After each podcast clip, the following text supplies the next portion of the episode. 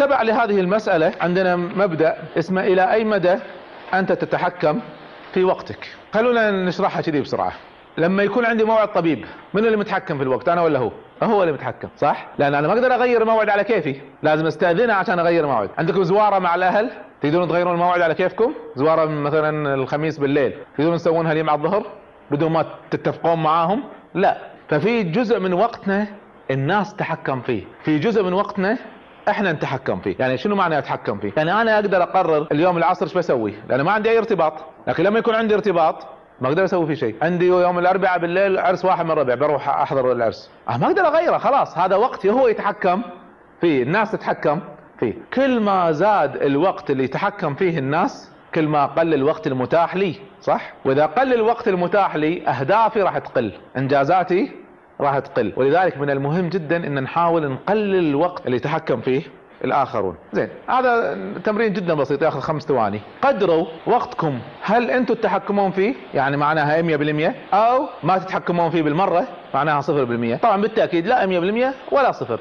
فكم درجتكم؟ يعني أنا لو بحط حق نفسي راح أقول إن حوالي 60% أنا أتحكم في وقتي. 40% يكون عندي التزامات ما أقدر أجيسها ما أقدر أغيرها. أنتم شنو وضعكم؟ بس حطوا إشارة. وين مكانكم في هذا الوقت؟ كم نسبة الوقت اللي أنتم تتحكمون فيه؟ منو فيكم حط أكثر من 50% هو يتحكم في وقته؟ الباقيين وقتكم ملك الناس. الباقين اللي ما رفعوا إيدهم معناها وقتكم قاعد يتحكمون فيه الآخرين. قد يكون الآخر زوج قد يكون أولاد قد يكون الأسرة قد يكون وظيفتي في العمل لكن في النهاية حياتي مو لي. هنا طبعا عندنا مشكلة رئيسية.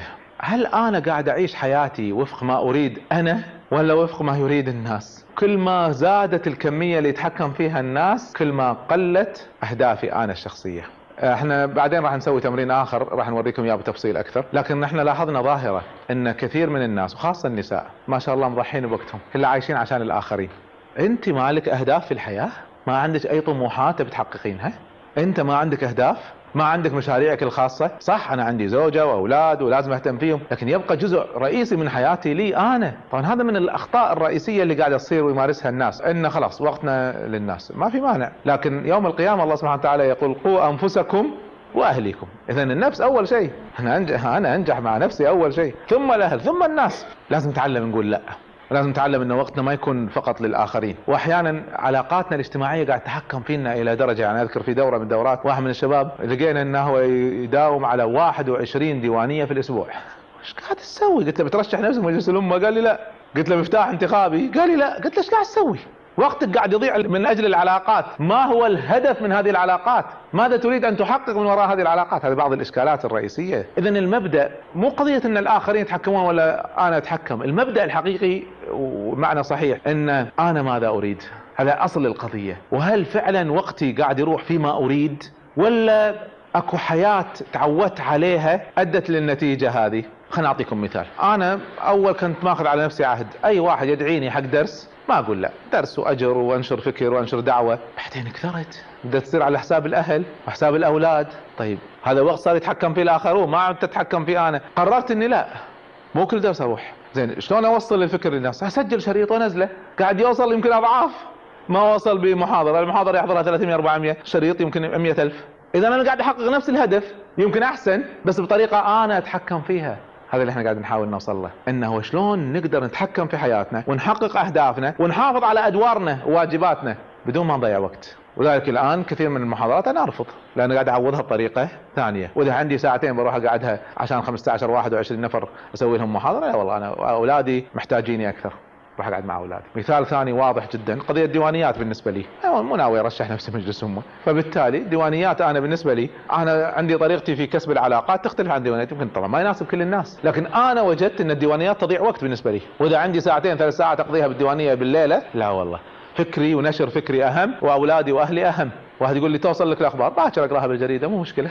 الخبر اليوم بفلوس باكر ببلاش. قال علاقات؟ الحمد لله عندي علاقات واسعة. اذا ليش إحنا متعودين على نمط واحد؟ لأن كل الناس ماشية عليه اذا أنا لازم أمشي عليه.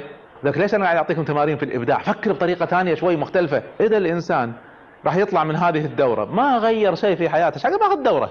الهدف إن الإنسان يبدأ يفكر بطريقة مختلفة يعيش حياته بطريقة مختلفة يرتب أولوياته بطريقة مختلفة. عشان نقدر نسوي هذا لازم نزيد الوقت اللي إحنا نتحكم فيه. ما أخلي كل وقتي ملك الآخرين. أخلي جزء كبير من وقتي لي. وراح نشوف هذا المعنى بشكل عميق بعد شوي شلون ننظم وقتنا شلون نبرمج وقتنا. راح ننطلق إلى تمرين اسمه اقبض على لصوص الوقت. التمرين عبارة عن صفحتين فيهم 12 سؤال.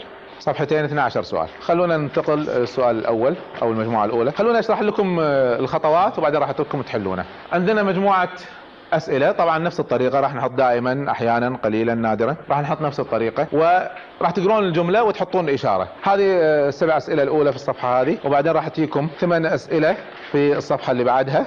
العفو باقي الأسئلة 12 إلى سؤال 12 في الصفحة اللي بعدها. فعندنا 12 سؤال مجموعة الأسئلة. في النهاية عندنا عدد الإجابات في كل عمود نفس الطريقة راح نحسبها. بعدين راح تنتقلون للصفحة اللي بعدها إن راح نحسب مرة ثانية دائما راح تاخذ صفر. هذه عكس اللي قبل شوي.